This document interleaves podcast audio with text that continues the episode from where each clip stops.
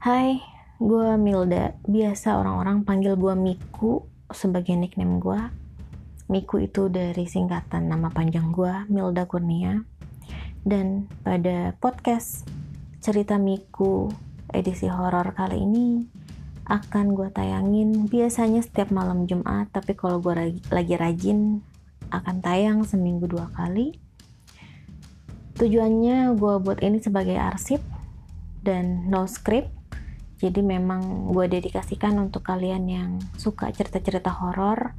Dan ini tanpa rekayasa apa yang gue alami adalah real.